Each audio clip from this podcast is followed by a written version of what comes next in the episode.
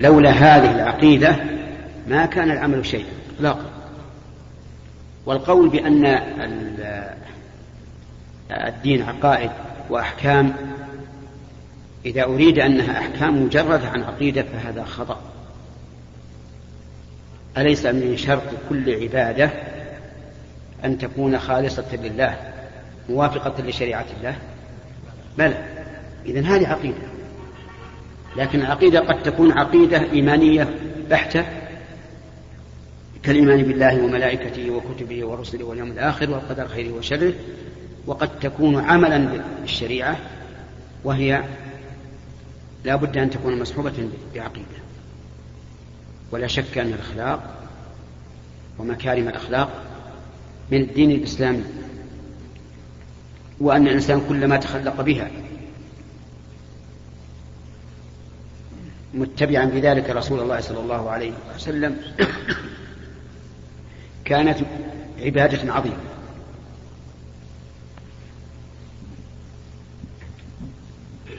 فضيلة الشيخ رجل تزوج امرأة ولها أولاد فأنجبوا الأولاد بنات فهل يكون زوج أمهم أو أمهم آه، محرم لبناتهم؟ إي نعم يكون محرما لأن القاعدة بارك الله فيكم أن الإنسان إذا تزوج امرأة ودخل بها صار جميع ذريتها داخلين في قوله وربائبكم اللاتي في حجوركم من نسائكم. فالقاعدة أن الإنسان إذا تزوج امرأة ودخل بها حرم عليه أصلها وفرعها. فرعها وإن نزل. سواء كانوا أبناء سواء كانوا بنات أبناء أم بنات بنات. التزموا بهذا القاعدة. كذلك أصلها يعني أمها وجداتها من قبل الأم أو من قبل الأب. وهي كذلك مثل إذا تزوجت رجلا صار أبناؤه وأبناء أبنائه وأبناء بناته وأجداده من قبل الأم آه الأم أو الأب وأبوه أيضا من محارمها. فلدينا أربع شعب أصول الزوج وفروع الزوج. وأصول الزوجة وإيش؟ وفروع الزوجة. هؤلاء آه، آه، الشعب بمجرد العقد يثبت التحريم. كيف التحريم يحرم على الزوجة أصول زوجها وفروع زوجها؟ ويحرم على الزوج أصول زوجته وفروع زوجته إلا أنه يشترط في فروع الزوجة أن يكون قد دخل بها أي قد جمع خذوا هذه القاعدة من أجل أن تستريحوا لأن بعض الناس قد يخطئ فيها حتى من طلبة العلم. لكن هذه هي القاعدة. وإذا قيل أصول فروع في هذا المقام فإن يعني في التحريم في تحريم النكاح فإنه يشمل الأصول من جهة الأب والأصول من جهة الأم. والفروع من جهة الأبناء والفروع من جهة البنات. نعم. أفهمت الآن؟ طيب. ولو طلقها ولو طلق أو مات عنها. فضيلة الشيخ هل يجوز الهجر؟ للوالدين المسلمين إذا كان في مصلحة شرعية؟ نعم.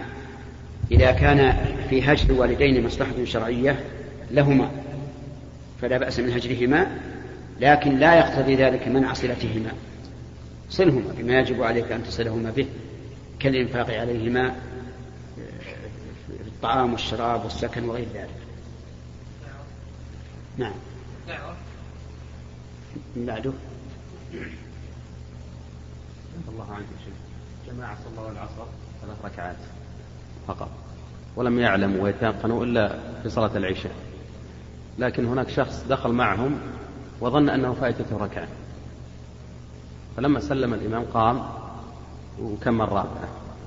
فحكم صلاته صلاته. أما الذي أتم أربعا فصلاته صحيحة. وأما الجماعة الذين سلموا عن ثلاث فيجب عليهم آه، إعادة الصلاة. يعني قضاء. قضاء الصلاة. جماعة. جماعة. حاضرين في المسجد. على كل حال يمكن الجماعة يمكن جماعة. والذي لا يمكنه ليس بواجب لأن هذه مقضية وليست مؤداة يبلغون. يبلغون. إما يكتب إعلان عند باب المسجد بأن من صلى معنا العصر الفلاني فعليه إعادة إعادة الصلاة. هنا بالنسبة لهجر الوالدين اللي ذكرت يعني أقول لماذا لا ينصحهم أولا أسألك. لا لا ترك الصلاة كفر. ترك الصلاة كفر. لكن على كل حال ألح عليهم. نعم. بسم الله. يقول السائل لقد تزايد المد التنصيري عندنا في البلاد حتى أصبحت كثيرا أين بلاد الكويت. نعم.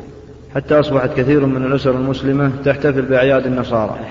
وقام بعض الشباب بتغليد النصارى بلباسهم وزيهم وتعليق بعض بعضهم للصليب على صدورهم. فما هو توجيهكم لنا علما بأننا في بلد يسمح أحيانا بحرية الأديان؟ النصيحة في آية من كتاب الله. وهي قول الله تبارك وتعالى يا أيها الذين آمنوا لا تتخذوا اليهود والنصارى أولياء.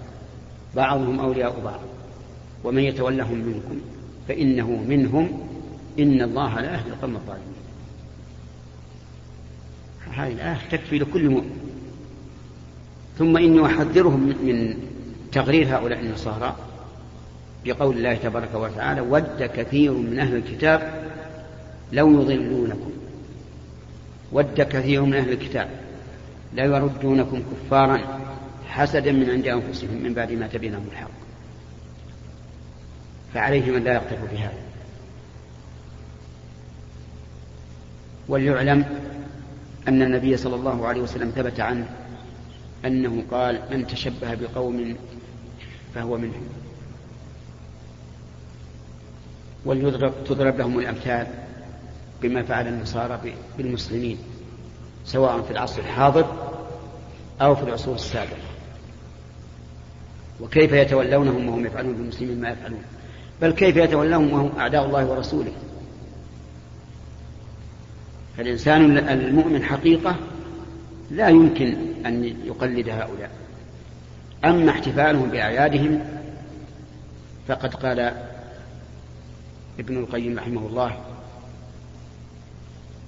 إن, إن هذا إن سلم من الكفر إن سلم من الكفر. ففعله من أكبر المعاصي وأشد من إقرارهم على شرب الخمر. لأنهم يحتفلون بهذه الأعياد على أنها أعياد شرعية عندهم وهي أعياد كفرية. لا يجوز للمسلمين أن يحتفلوا بها ولا أن يرفعوا بها رأسا. قد يقولون مثلا ألسنا نهنئكم على عيدكم في الفطر والأضحى؟ فنقول بلى. لكن عيدنا عيد شرعي مرضي عند الله, عند الله. وعيدكم عيد كفري مسخوط عند الله. ونحن وأنتم بشر مخلوقون لله متعبدون بشريعة الله. وكان الواجب عليكم أن تحتفلوا بعيدنا وأن تدخلوا في ديننا. فضلا عن أن تحتفلوا بعيدنا. أما نحن فمحرم علينا أن ندخل في دينكم ومحرم علينا أن نحتفل بشرائعكم وشعائركم. عرفت؟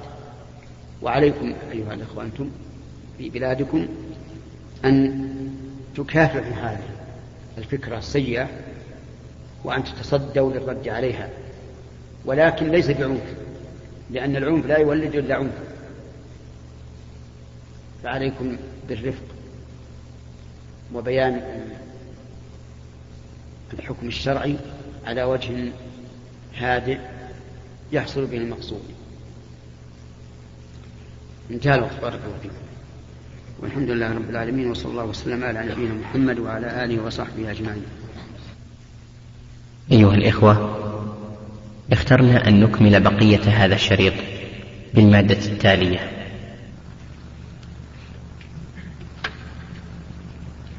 بسم الله الرحمن الرحيم. نبدأ بالأسئلة. يقول جماعة مسبوقة وبعد السلام بعد السلام للإمام. قاموا ليقضوا ما فاتهم. ولكن تبين تبين أن الإمام لم يتم الصلاة. فقام الإتمام وهذا بعض الجماعة وهنا بعض الجماعة اتبع الإمام وبعضهم أتم منفردا. ما حكم كلا الفريقين؟ الجواب كلا الفريقين صحيح. يعني إذا سلم الإمام عن نقص وقام الإنسان يقضي ما فاته ثم ذكر الإمام وأتم فالذين فارقوه بالخيار إن شاءوا دخلوا معه ثم قضوا ما فاتهم وإن شاءوا استمروا لأنهم انفردوا لعذر وقد زال ومثل ذلك ما ذكره الفقهاء لو لو أن الإنسان مثلا هاجت عليه معدته يريد يتقيأ. فانفرد عن الإمام. ولما انفرد هدأت. قالوا فله أن يستمر منفردا وله أن يرجع مع الإمام. نعم. يقول ما هو القول الصواب في فرش المنزل بفرشة فيها صور؟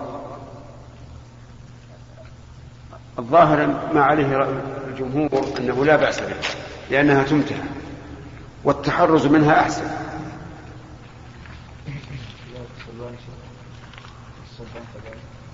نعم. إيش؟ لا يقول صور. يقول ما حكم لبس البنطال الخاص بالنساء؟ للتستر لا للتزين لا حول ولا قوة. يعني السروال العادي ما في شيء. السروال العادي تلبس سروال واللي فوق مثلا يكون بنيله ولا شيء آخر. هذا. ما الفرق بين السروال الطويل وبين البنطال؟ نعم. والله الفرق الاسم.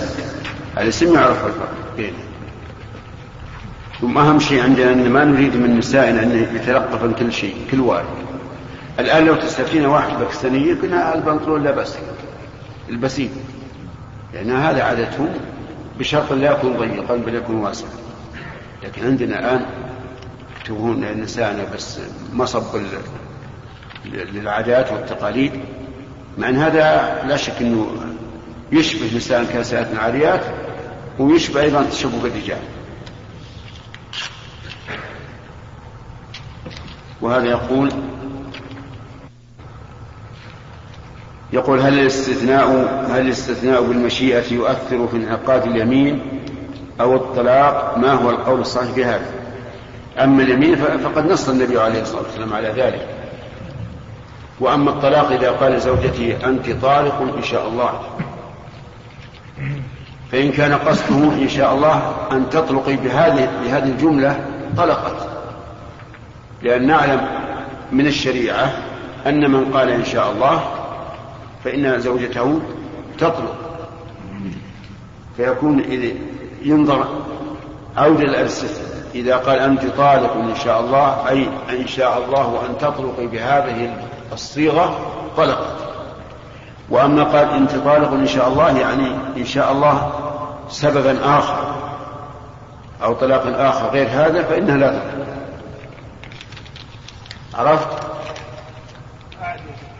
أقول إذا قال أنت طالق إن شاء الله يعني إن شاء الله أن تطلقي بهذه الصيغة فهي طالق لأن المقصود بهذا التأكيد في الواقع. وإن قال إن شاء الله لطلاق مستقبل ينعقد سببه فيما بعد فهذا ينظر إن وجد سبب الطلاق فيما بعد سواء كان معلقا أو غير معلق طلقت وإلا فلا. ما حكم الصلاة ما حكم الصلاة إلى السترة هل هو واجب أم مستحب وما رأيكم في في إيش؟ همة لا قبل الكلمة في همة من يقول وكلمة في همة من يقول وش معنى في همة من يقول؟ يعني ما يكون في همة الذي يقول هذا الكلام وش معنى همة؟ همة يعني استعداد القوة بالعمل في شيء شيء معين. أنا رأيي أن الصواب أن يقال وما رأيكم في قول من يقول؟ مو هذا الصواب؟ بلى. أنا شيخ إرادة همته نعم نعم. على كل حال من يقول عن حكم عن حكم من الأحكام الشرعية هذا أمر مستحب فقط ولا يعمل به وهو طالب علم. على كل حال إذا كان هذا الذي تبين له من النصوص أنه ليس بواجب ولم يعمل به فإنه لا يعاتب على هذا لأن ترك المستحب لا يعاتب عليه الإنسان. كون صلاة الفطرة واجب. نعم. أما مسألة السدرة فهذه فيها خلاف بين العلماء. منهم من يقول أنها واجبة لأن الرسول عليه الصلاة والسلام أمر بها وقال ليستتر أحدكم ولو بسهم. ومنهم من يقول إنها ليست واجبة وهذا هو الأقرب عندي أنها ليست واجبة.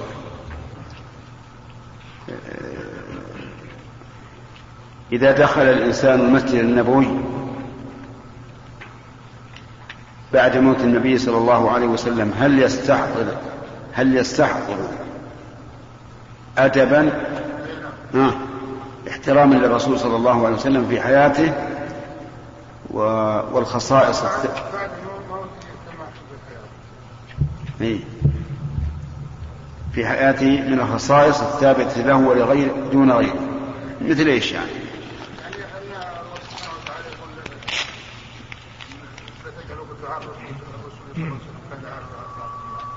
اي نعم اي لا شك إن الإحترام ولهذا لما آه، سمع عمر بن الخطاب رضي الله عنه رجلين من أهل الطائف يرفعان أصواتهما في المسجد النبوي زجرهما. وقال لو ان لو لو كنتما من أهل هذا البلد لأوجعتكما ضربا أو كلمة نحو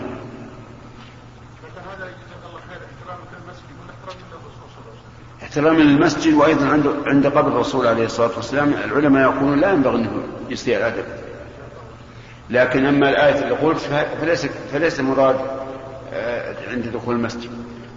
لا تجعلوا دعاء الرسول بينكم كدعاء بعضكم لبعض.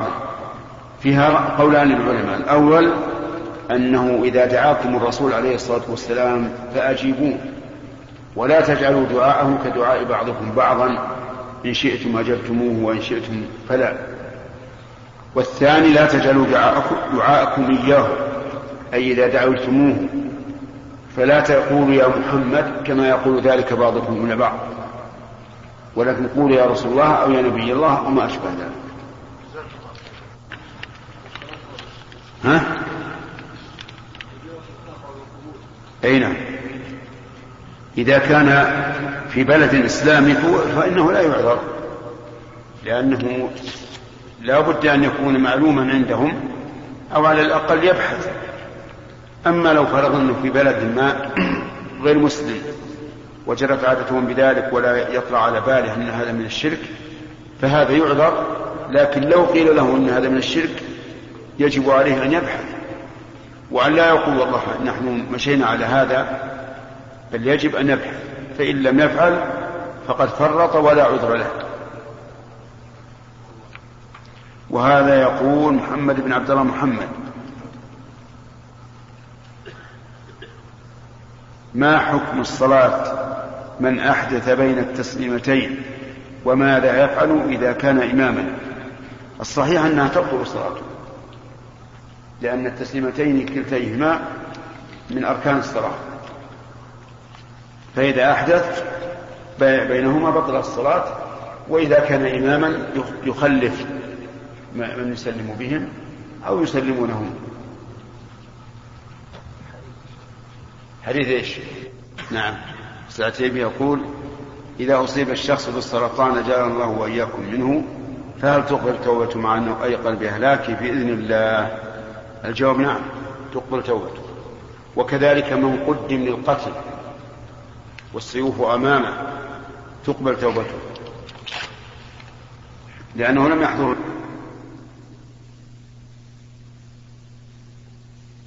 والسرطان أيضا ترى مو مو 100% أنه يقتل.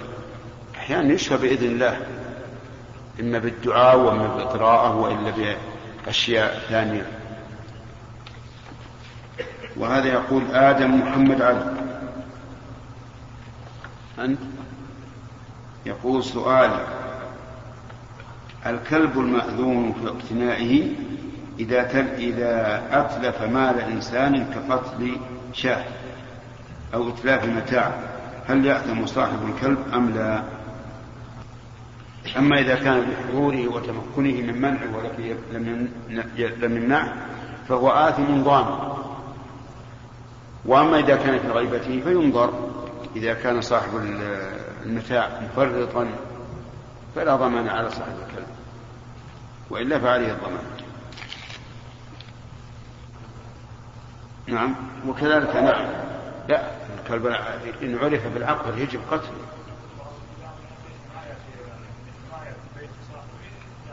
لا إذا عقر من دخل بيته بغير إذنه فلا ضمان عليه على صاحب البيت. لكن لو قال لو أذن له والكلب العقور عند الباب فعقر فعليه الضمان.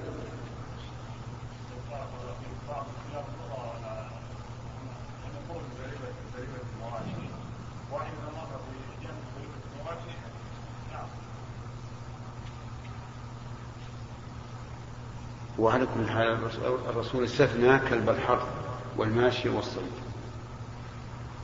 وما ذاك إلا لأن كلب الماشي يحرسه لكن على كونه يعقل أو ما يعقل هذا يمكن ما يعقل إلا اللي يدخل للزريبة. اللي ما يدخل ما يعقل. يقول هذا والظاهر يقول حلفت امرأة إن رزقها الله تعالى بمولود ذكر أنها ستذبح ذبيحة كل سنة. وقد رزقت بمولود و ولله الحمد وذبحت أربع ذبائح عن أربع سنوات مقدما يعني. ها؟ ها؟ تقول أنها ذبحت أربع ذبائح عن أربع سنوات. عن أي؟ مضت. ولكن ولكن شق عليها ذلك عليها فماذا تفعل؟ الظاهر هل قصد بذلك انه من باب الشكر نعمة الله على هذا الولد؟ اذا لابد تذبح. إن قدرت وإن عجلت سقط عنها أيها الإخوة في ختام هذه المادة نسأل الله أن نلقاكم في لقاءات متجددة. مع تحيات مؤسسة الاستقامة الإسلامية للإنتاج والتوزيع في عنيزة. شارع هلالة رقم الهاتف والناسخة الهاتفية صفر ستة ثلاثة ستة أربعة ثمانية ثمانية ثمانية صفر. والرقم الثاني صفر ستة ثلاثة ستة أربعة. خمسة ثمانية ثمانية صفر. ورقم صندوق البريد اثنان وخمسمائة وألف.